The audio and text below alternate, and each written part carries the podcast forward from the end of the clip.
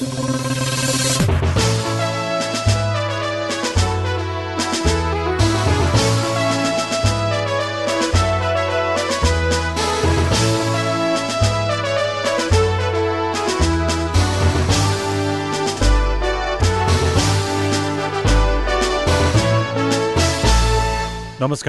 कार्यक्रम हेलो सांसदमा तपाईँलाई हार्दिक स्वागत छ। म लील प्रकाश चन्द कार्यक्रम हेलो सांसद सामुदायिक सूचना नेटवर्क सीआईएनले उत्पादन तथा प्रसारण गर्दै आएको छ।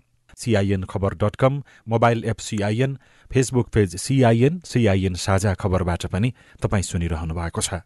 हरेक हप्ताको शुक्रबार बिहान साढे छ बजीदेखि आधा घण्टासम्म प्रसारण हुने यो कार्यक्रम देशभरका सामुदायिक रेडियोहरूले आफू अनुकूल हुने गरी प्रसारण गर्छन्। कार्यक्रम हेलो सांसदमा हामी संसद सांसदको भूमिका र संसद मातहत रहेका संसदीय समितिका काम कारवाहीहरूको बारेमा छलफल गर्ने गर्छौं। तर पछिल्लो समय प्रदेशसभा र प्रतिनिधि सभाको कार्यकाल सकिएपछि आगामी मङ्सिर चारका लागि निर्वाचनको मिति तोकिसकिएको छ र त्यसै अनुसार दलहरू प्रचार प्रसार अभियानमा छन्।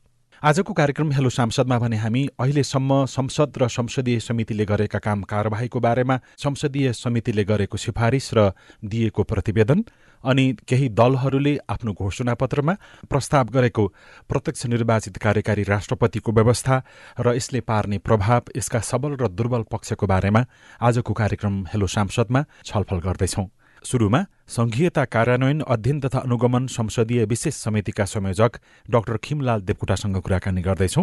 समितिले केही दिन अगाडि मात्रै नेपालमा संघीयता कार्यान्वयन भइसकेपछिको पाँच वर्षको काम कारवाही कस्तो रह्यो भन्ने बारेमा प्रतिवेदन पेश गरेको छ र सरकार सरोकारवाला निकायलाई निर्देशन दिएको छ। त्यो निर्देशनमा के कुरामा जोड दिइएको छ? सुरुमा हामी देवकोटासँग कुराकानी गर्दैछौ। उनान्सयवटा बुन्दामा सिफारिस गरेका छौँ। अब वर्षको साइकल पुरा स्थानीय तहको पहिलो निर्वाचनपछि दोस्रो निर्वाचनपछि जनप्रतिनिधि कार्यरत छन्।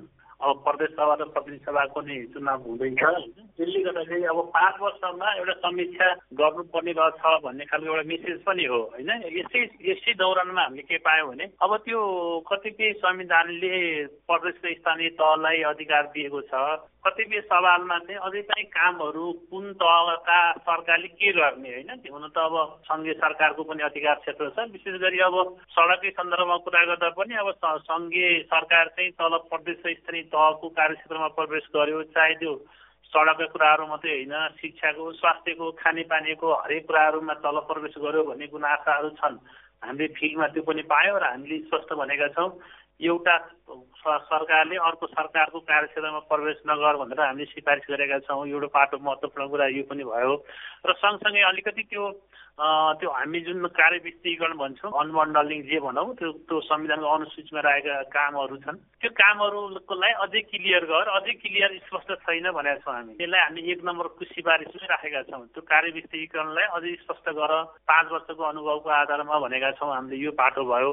अर्को यो प्रदेशको मन्त्रीको सङ्ख्यामा पनि धेरै खालको विवादहरू पनि भए र प्रदेशको मन्त्रीको सङ्ख्याहरूमा प्रदेश सभाको बिस प्रतिशत हुने भन्ने व्यवस्था संविधानमा छ।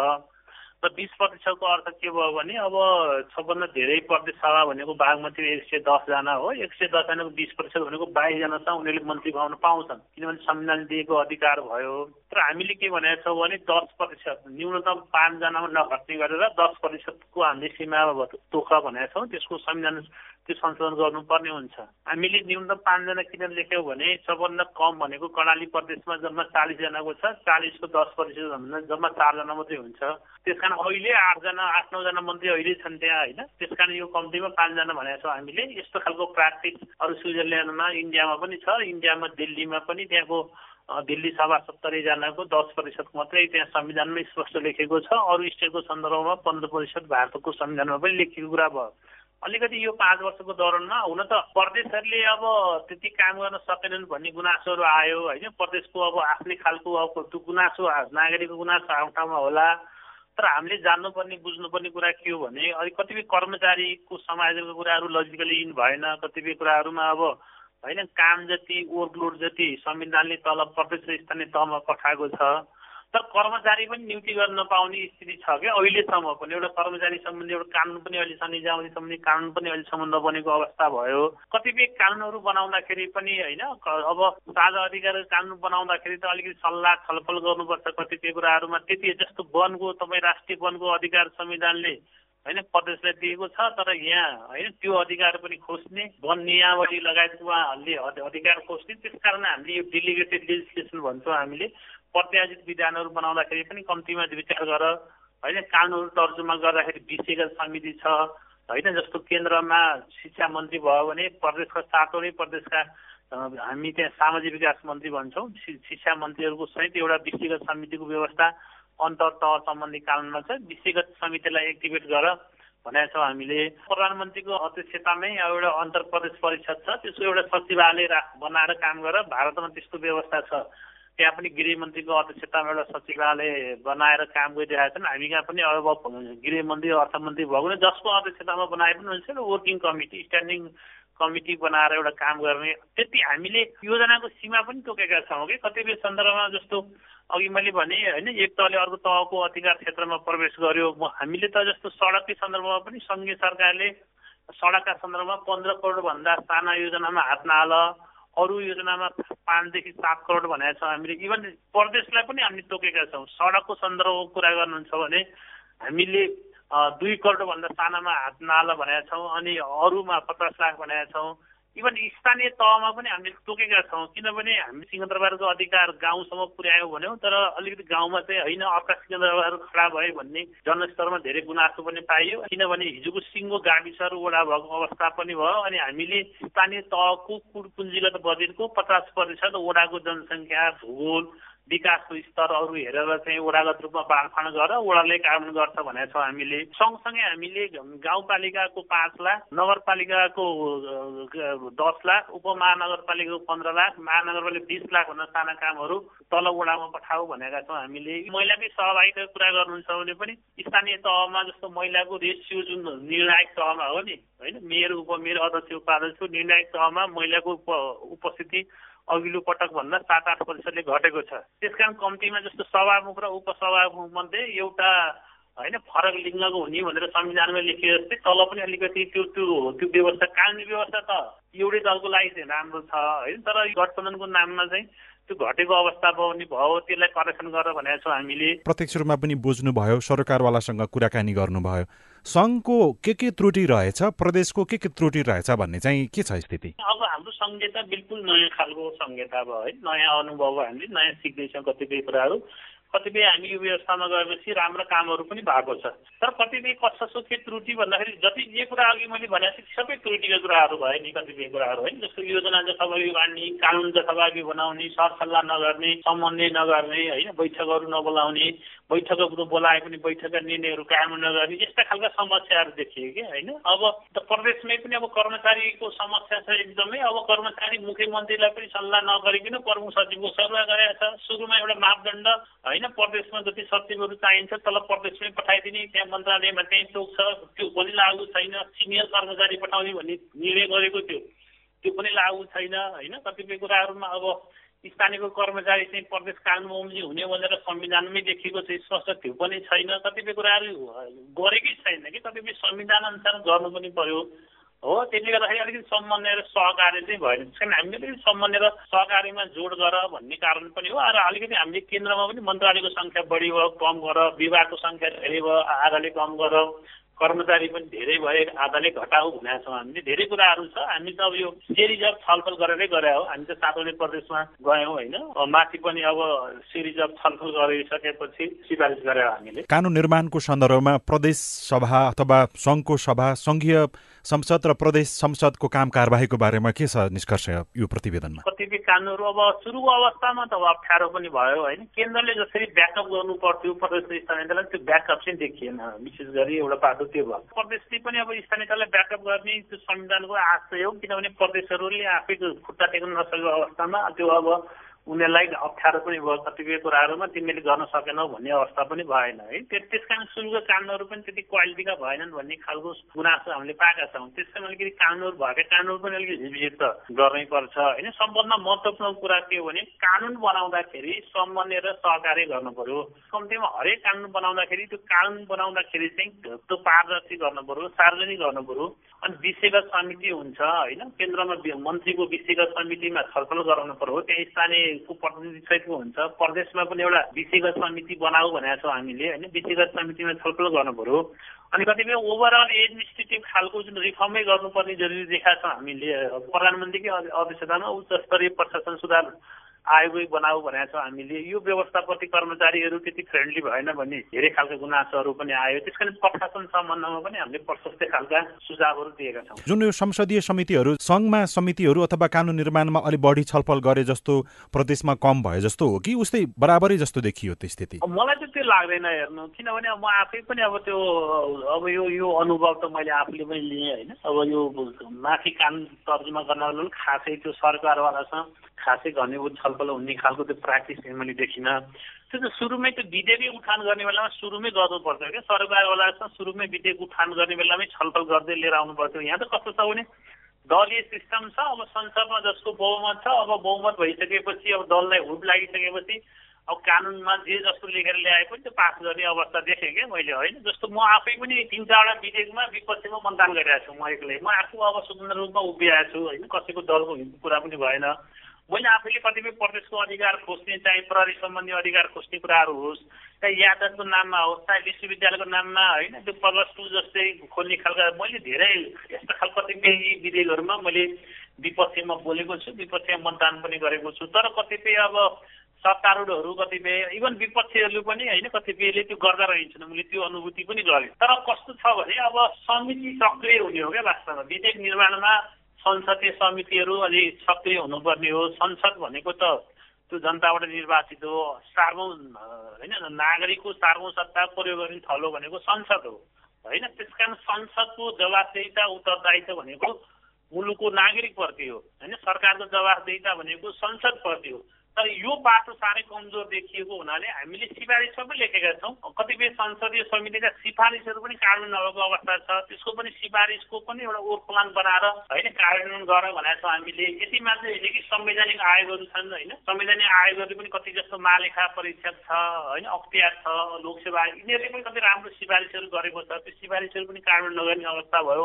संसदमा टेबल हुन्छ त्यहाँ संसदमा छलफल पनि हुँदैन। होइन गर्नुपर्ने कुराहरू प्रशस्तै छन् क्या गर्नु त्यसले गर्दाखेरि यी सबै कुराहरू यी सबै कुराहरू हामीले बुझेर हामीले वित्तीय संहिताकै कुराहरूमा पनि अझ वित्तीय संहितामा कर राजस्वको कतिपय समस्या छ अनुदानमै कतिपय समस्या छ। राष्ट्रिय प्राकृतिक वित्त आयोगलाई संविधानले दिएको अधिकार प्रयोग गर्न पनि नपाएको अवस्था छ कतिपय कुराहरूमा यी सबै कुराहरू समेटेर हामी सिफारिस गरेका छौँ। यो गठबन्धन संस्कृतिको कारणले गर्दाखेरि विशेष गरी महिलाको सहभागिता कमजोर बनेको र संसदमा पनि उपसभामुख सभामुख मध्ये एकजना फरक फरक लिङ्गको फरक पार्टीबाट भन्ने सिद्धान्तता छ। यो गठबन्धन संस्कृतिको विषयमा र यसले संसदमा सरकारमा पारेको प्रभावको बारेमा के छ तपाईँहरूको प्रस्ताव? होइन हाम्रो त्यस्तो प्रस्ताव त हामी त्यो विषयमा खासै प्रस्ताव भन्ने बोल्ने कुरा पनि भएन। कतिपय तर यो तर मेरो व्यक्तिगत धारणा के हो भने यो गठबन्धनको संस्कृतिले त्यति राम्रो गर्दैन। क्या हरेक राजनीतिक दलहरू जनताको हरेकको घर दैलोमा पुग्नुपर्छ होइन? त्यसले गर्दाखेरि सुरुदेखि नै गठबन्धन गठबन्धन गर्दाखेरि यो डेमोक्रेसी कमजोर हुन संविधानमा हाम्रो संविधानमा एउटा कमजोरी के भयो भने निर्वाचन प्रणालीमा हामीले सुधार गरेनौँ भने ठुलो समस्या मैले देखेको छु। किनभने निर्वाचन प्रणाली चाहिँ कस्तो छ भने तपाईँको मिश्रित खालको निर्वाचन प्रणाली छ त्यहाँ समानुपातिक र प्रत्यक्ष छ। अब कुनै पनि दलको बहुमत नआउने अवस्था छ है यो यो अहिलेको स्थितिमा। त्यसले गर्दाखेरि अब त्यसको कारणले पनि गठबन्धन बन्न थाले। केन्द्रको गठबन्धन त ल ठिकै छ मानौँ प्रतिनिधि सभाको प्रदेश सभाको मानौँ यहाँ त स्थानीय तहमा पनि गठबन्धन हुन थाल्यो क्या तल। त्यो समस्या देखियो। त्यसले गर्दाखेरि हामीले यो निर्वाचन प्रणालीमा माथि हाम्रो के पूर्ण प्रत्यक्ष कि पूर्ण समानुपातिकमा हामी निर्वाचन प्रणालीमा गएनौँ भने मैले त संसदमा पनि बोलेको छु यो समानुपातिक निर्वाचन प्रणालीलाई खारेजै गरेर प्रत्यक्ष निर्वाचन प्रणालीमै जानुपर्छ र समानुपातिका जुन सहभागितामूलक खालका इस्युहरू छन् महिलाका इस्यु दलितका इस्यु जनजातिका इस्यु मधेसीका इस्यु मुस्लिमका इस्यु होइन पछाडि परेका पारेका इस्यु सबैलाई बरु प्रत्यक्षमै समावेश गर्ने त्यहाँ महिला महिलाको बिचमा कम्पिटिसन गराउने दलित दलितका बिचमा कम्पिटिसन गराउने निर्वाचन क्षेत्रलाई रोटेसनको आधारमा कहिले कुन निर्वाचन क्षेत्र गर्ने त्यसरी समावेश गऱ्यौँ भने होइन हाम्रो संविधान हाम्रो व्यवस्था अलि एउटा स्थायित्व पनि लिन्छ गठबन्धनको संस्कृति पनि हराएर जान्छ होइन? यो अहिले यही भयो भने यो समस्या देखाएको छु। अब यो हामी यो समितिमा लेखिएन कतै मेरो व्यक्तिगत धारणा त्यहाँ हामी एक ढिक्का हुनु पऱ्यो सबैले सार्वजनिक रूपमा बोल्नु पऱ्यो लेख्नु पऱ्यो होइन? सहमत पनि हुनु पऱ्यो तर यो विषय त्यहाँ लेख्न सकिएन तर म यो विषय चाहिँ संसदमा बोलेको अवस्था पनि हो। त्यस कारण हामीले यो विषयमा अलिकति बहसमा लान चाहिँ जरुरी देखाएको संसदमा सांसदहरूको भूमिकाको बारेमा केही तपाईँहरूको टिप्पणी विचार सार आयो कि आएन यो प्रतिवेदनमा? होइन त्यो विषयमा त हाम्रो कार्यक्षेत्र पनि थिएन होइन? तर हामीले के भनेको छौँ संसदले दिएका सिफारिसहरूको पनि एउटा कार्यान्वयन गर्ने खालको रोड म्याप बनाएर चाहिँ सरकारले काम गर्नुपर्छ भनेर हामी त्यो खालको सिफारिस छ। अब त्यो विषय त हाम्रो कार्यक्षेत्रमा नभएको हुनाले बोली लेख्ने कुरा पनि भएन। जति पनि निर्देशन दिनुभयो त्यो निर्देशन कार्यान्वयन होला कि नहोला किनभने यस अगाडिका अरू समितिका निर्देशनको स्थिति पनि खासै त्यो उत्साहजनक देखिँदैन। तपाईँ कतिको अब यसको नेतृत्व तपाईँले नै गरेको भएर केमा आशावादी हुनुहुन्छ त? सरकारले अनेस्टली काम गर्छ भन्ने कुरामा म आफैलाई पनि विश्वास छैन नम्बर एक है। संसदले दिएको जुन निर्देशन हो नि निर्देशन दिइसकेपछि त्यो स्वत सरकारले कार्यान्वयनमा लग्नुपर्छ कतिपय कुराहरू। तर कस्तो हो भने हामीले सङ्कल्प प्रस्ताव पेसै गरिसकेपछि पनि संसदले सरकारलाई कार्यान्वयन गर्न निर्देशन दिइसकेपछि सरकारका अङ्गलाई छलफल गर्दा पनि हामीलाई थाहा छैन भन्ने खालको खबर पनि पाइसकेपछि हामीले पछि निर्देशन दिएर सरकारले कार्यान्वयन सम्बन्धी एउटा रोड म्यापै बनाएर पठाएको छ है एउटा एउटा पाटो।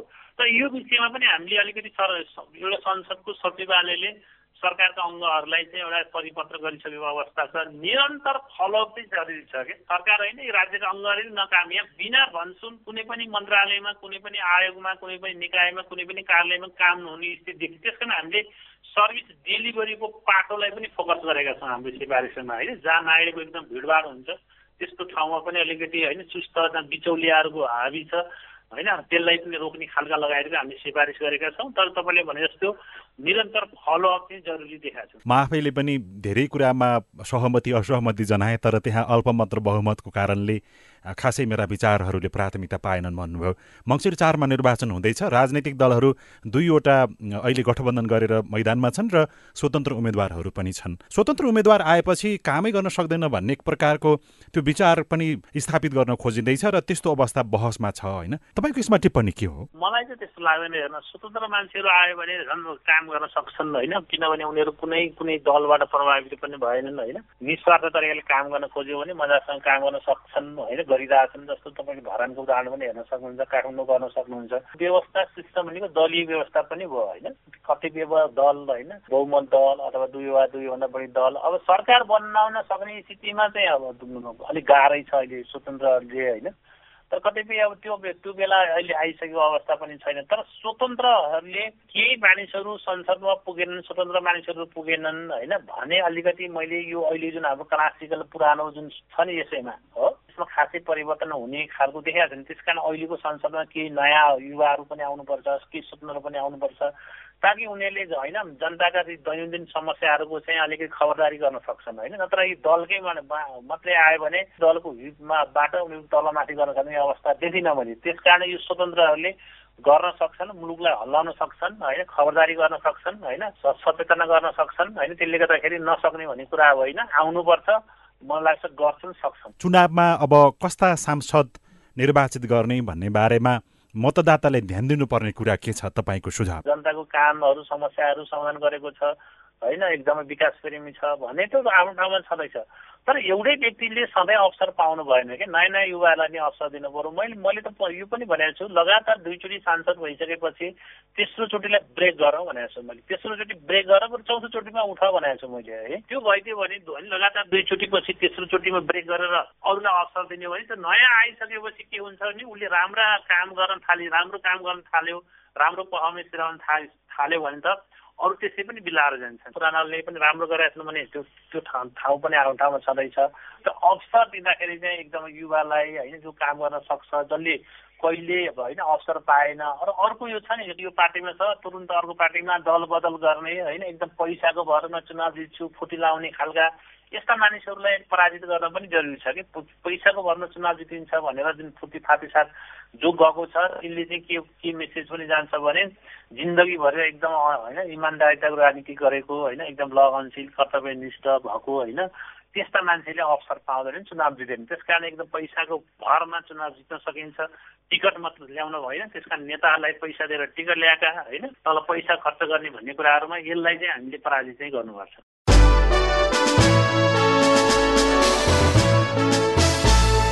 मङ्सिर चारको निर्वाचनका लागि नेकपा माओवादी केन्द्र लगायतका केही राजनैतिक दलहरूले निकालेको घोषणापत्रमा प्रत्यक्ष निर्वाचित कार्यकारी राष्ट्रपतिको व्यवस्था लागू गर्नुपर्ने प्रस्ताव गरेका छन्। घोषणापत्रमा गरिएको प्रस्ताव र यो प्रस्ताव कार्यान्वयनको अवस्था कस्तो देखिन्छ? यसबारेमा संविधानविद प्राध्यापक डाक्टर सूर्य ढुङ्गेलसँग कुराकानी गर्दैछौ। अहिले यो जुन इस्यु उठाइएको छ नि कार्यकारी राष्ट्रपतिको जुन एउटा कन्सेप्ट जुन उहाँहरूले उठाइरहनु भएको थियो। अहिले आइ आइरहेको छ। टु लेट जस्तो लाग्दछ मलाई। ढिलो भयो भन्न खोज्नु भयो संविधान सभामा तपाईँको एउटा कुरामा ऊ संविधान बनिसकेपछि अहिले आएर तपाईँको कार्यकारी राष्ट्रपतिको तपाईँको जस्टिफिकेसन के त भनेर उहाँहरूले कुनै जस्टिफिकेसन सही जस्टिफिकेसन दिएको जस्तो लाग्दैन मलाई। नेकपा माओवादी केन्द्र जति बेला एकीकृत माओवादी केन्द्र थियो र धेरै पहिलेदेखि पनि उसले यो विषय उठाएको थियो र बिचमा झन्डै झन्डै सामसुम भएको विषय चुनावको बेलामा उठ्नु भनेको मतदाता लक्षित हो कि अथवा साँच्चीकै यो नेतृत्वमा सरकार बन्यो भने संविधान संशोधन भएर त्यो जुन व्यवस्थाको लागि प्रस्ताव गरिएको छ त्यो कार्यान्वयनमा जान सक्छ? उहाँले इस्यु उठाउँदाखेरि संविधानको अब संशोधनको लागि एउटा चाहिँ जीवित इस्यु चाहिँ उहाँहरूले उठाइरहनु भएको छ। जस्तो उदाहरणको लागि तपाईँको किन एउटा कार्यकारी राष्ट्रपतिको एउटा उहाँहरूको बाबुरावजी प्रचण्डजीहरूको आह्वान छ भन्नु उहाँ उहाँहरूको त्यो प्रपोज गर्नुभएको छ। जबकि तपाईँको अब उपेन्द्र यादवजीहरूले एक्जिक्युटिभ प्राइम मिनिस्टर भन्नुभएको छ है। मूल कुरो त के मैले देखिरहेको छु अहिलेको मतदाताले मतदातालाई यो इस्युले कति छोएको छ?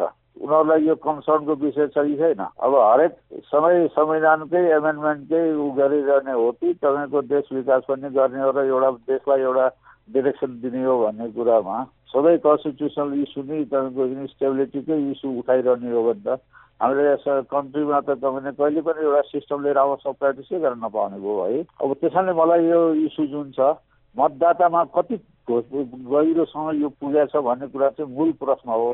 त्यो प्रश्नको जवाब चाहिँ मलाई के लाग्छ भने मतदाताले कार्यकारी प्रेसिडेन्टको चाहिँ इस्यु यो अहिलेको उसमा इलेक्सनको लागि त्यो प्राइमरी इस्यु हो भन्ने ठानेको छ जस्तो चाहिँ मलाई लाग्दैन। प्रत्यक्ष निर्वाचित कार्यकारी राष्ट्रपतिको विषय यसलाई लागू गरियो भने अहिलेको तुलनामा फरक के हुन्छ यो शासन व्यवस्था? यो त तपाईँ एउटा कुरो त के हो भने कार्यकारी राष्ट्रपति हुनु त्यो फाइभ इयरलाई फिक्स टर्मको लागि कुनै राष्ट्रपति हुनुको अर्थ के हो भने यो एउटा मलाई चाहिँ के लाग्दछ भने तपाईँको उहाँहरूको एउटा कारण भित्री कारण चाहिँ के हो भने ओभरअल नेपालको अहिलेको मत भोटरहरूको काउन्ट गर्ने हो भने लेफ्ट लिनिङको भोटरहरूको सङ्ख्या बढी भएको जस्तो आवाज कता कता हुन्छ। होइन त्यो भन्नुको अर्थ मैले भन्न खोजेको के हो भने कार्यकारी राष्ट्रपति हाम्रो जस्तो देशमा हाम्रा जस्ता नेताहरू जसको चाहिँ अथोरिटेरियन प्रवृत्ति भएको नेताहरूमा कार्यकारी राष्ट्रपतिमा जाने हो भने हामी अथोरिटेरियन सिस्टममा जान्छौँ। डेमोक्रेटिक सिस्टमबाट हाम्रो चाहिँ के छ भने यो कार्यकारी राष्ट्रपतिले तपाईँको लिबरल डेमोक्रेसीको प्रोसेसलाई चाहिँ तपाईँको के छ भने यसलाई नेगेटिभ डिरेक्सनतिर जान्छ। मलाई लाग्दछ त्यसैले हाम्रो हाम्रो सोसाइटीमा हाम्रो यो मल्टिपल जुन सोसाइटी छ तपाईँको यो डाइभर्स सोसाइटी छ त्यो डाइभर्स सोसाइटीमा यो अथोरिटेरियनिजमको कार्यकारी राष्ट्रपतिले अथोरिटेरियनिजमतिर पुस गर्ने भएको हुनाले यो सिस्टम यहाँ वर्क गर्छ जस्तो लाग्दैन मलाई। त्यही मेरो मेरो कन्क्लुजन त्यति हो। जुन कुरा उठाएका छन् घोषणापत्रमा ज जसले उठाएका छन् जुन जुन पार्टीहरूले त्यो लय मिल्दै जानु दलहरूको संख्या नेताको संख्या बढ्दै जानुको कारण चाहिँ के हो त त्यसो भए होइन तपाईँ एउटा कुरा तपाईँ हुँदैन यो उसमा उहाँहरूले उठाएको इस्यु जुन आफ्नो प्रतिबद्धता पत्र भन्नुहोस् अथवा घोषणा पत्रमा जुन भन्नुहोस् न यसले पिपुलमा भोटर्सहरूले यो इस्युलाई तपाईँको कति ओन गरेका छ? तपाईँको मूल रूपमा अहिलेको मेन टेस्ट त हुनुपर्ने के हो भने कार्यकारी राष्ट्रपति बन्न तपाईँको के छ भने यो डाइरेक्टली रिलेटेड प्राइम मिनिस्टरको जुन इस्यु जुन उठे अहिले उठाइरहनु भएको छ। मतदाताले खोजेको इस्यु हो कि उहाँले डेभलपमेन्ट खोज्या उहाँले लिडरसिप खोज्या उहाँहरूले अनेस्टी हो उहाँले भ्रष्टाचार मुक्त समाज खोज्या या उहाँहरूले भएकै जस्ता नेताहरूको अथोरिटेरियनिजमको लिडरसिप खोज्या। हो यो चाहिँ तपाईँको वास्तवमा मतदाताले यो विषयमा चाहिँ तपाईँको मलाई त्यति धेरै कति गहिरो र विचार गरेको छ भन्ने कुरा चाहिँ मेन इस्यु हो। चर्चा टिका टिप्पणी कतिपय के पनि भएको पाइयो भने यो कुनै पनि शक्तिबाट परिचालित भएको भनेर पनि विभिन्न टिका टिप्पणी भइराखेको रहेछ। तपाईँको यसमा के छ मुलुक मुलुक सुहाउँदो हाम्रो नेतै भएन। अब त्यसो त्यसो जवाब कसले दिनु पहिला त मुलुक सुहाउँदो नेता भयो कि भएन नि त। कहिले कहिले एउटा इस्यु लिएर आउँछ अहिले अर्को इस्यु लिएर आएको हुन्छ। त्यस कारण हाम्रो मुलुक मुलुक सुहाउँदो नेता हाम्रो देशले अहिलेसम्म प्रड्युस गरेको सकेको छैन। त्यसको परिणामसम्म यो हामीले जबसम्म यो एउटा लिडरसिपको जुनको क्वालिटेटिभ लिडरसिपको हामीले देशमा डेभलप हुँदैन तबसम्म यी इस्युहरू तपाईँको यस्तै जनतालाई लटपटाउने कहिले यो तपाईँ कार्यकारी राष्ट्रपति भइरहेछ कहिले के यसको जस्टिफिकेसन के छ उहाँहरूले के जस्टिफिकेसन दिन सक्नु भएको छ अहिलेसम्म? जनतालाई कन्भिन्सिङ भयो त्यो प्रश्न त तपाईँ जनताको समक्ष भन्नु पऱ्यो नि। नेताहरूले त्यो दिन सक्नु भएको जस्तो मलाई लाग्दैन। कार्यकारी प्रधानमन्त्रीको त्यो शासन व्यवस्था हामीले अँगाल्दै गर्दाखेरि कानुन निर्माण संसद र सांसदहरूको प्रभावकारिता संसदीय समितिहरूलाई प्रभावकारी बनाउने विषयमा त फेरि त्रुटिहरू अथवा त्यहाँ दोषहरू अथवा गुनासोहरू त अझै पनि थुप्रै पनि छ त। पहिलो यो फाइभ इयर टर्म सिद्धिएर दोस्रोमा जाँदैछौँ है। अहिले नै हामीले मलाई लाग्छ यो जम्मै होल सिस्टमिक इस्युमा लिएर छलफल गर्नुपर्ने मलाई लाग्छ अहिले टु अर्ली भएको छ। एक दुईवटा तपाईँको इलेक्सनको प्रोसेस अनि तपाईँको पार्लियामेन्ट्री एक्सपिरियन्स तपाईँको नेपालले गेट गरिसकिसकेपछि यो संविधान अन्तर्गत अनि तपाईँको के छ भने कार्यका यो अहिलेको भएको हाम्रो जुन parliamentary system with president as head of the स्टेटको जुन सिस्टम वर्क गर्छै गर्दैन भन्ने कुरा चाहिँ डिरेक्ट हाउसबाट पास भयो राष्ट्रपतिले रोकिनु भयो। अब यही यही खोज्या हो त हाम्रो भोलिको सिस्टम। कार्यकारी राष्ट्रपति भनेको अर्थ त्यसो भने कुन हामी त त्यो अथोरिटेरियन राष्ट्रपति खोज्या हो हामीले? भने यो अहिले चाहिँ मलाई लाग्छ टु अर्ली हो। हामीले इलेक्सन एक दुईवटा इलेक्सनको हामीले एक्सपिरियन्स गेन नगरिकन पार्लियामेन्ट्री एक्सपिरियन्स हामीले अझ एक प्र्याक्टिस नगरिकन अहिले नै हामीले यो विषयमा यति छिटो छिटो निर्णय गर्न थाल्यो भने तपाईँको के छ भने कहिले पनि हाम्रो सिस्टम चाहिँ स्टेबलै हुँदैन। अहिलेको जुन उ छ सिस्टम पार्टी सिस्टमभित्र अहिलेको जुन हाम्रो यो पार्लियामेन्ट्री एकाउन्टेबल सिस्टम हो जनताप्रति इलेक्ट्रोल प्रोसेसबाट हामीले यसैलाई इफेक्टिभली हामीले प्र्याक्टिस गर्नुपर्छ। त्यो हरेक यसका इन्स्टिट्युसनलाई हामीलाई इफेक्टिभली फङ्सन गर्न दिनुपर्छ। अनि मात्रै हामीले चाहिँ के छ भने अहिलेको यो संविधानको राम्रो एक्सपेरिमेन्ट भइसकेपछि मात्रै हामीले यसमा कुनै चेन्ज ल्याउने हो कि नल्याउने भने अहिले नै सोध्नु अर्ली हो हाम्रो जस्तो लाग्छ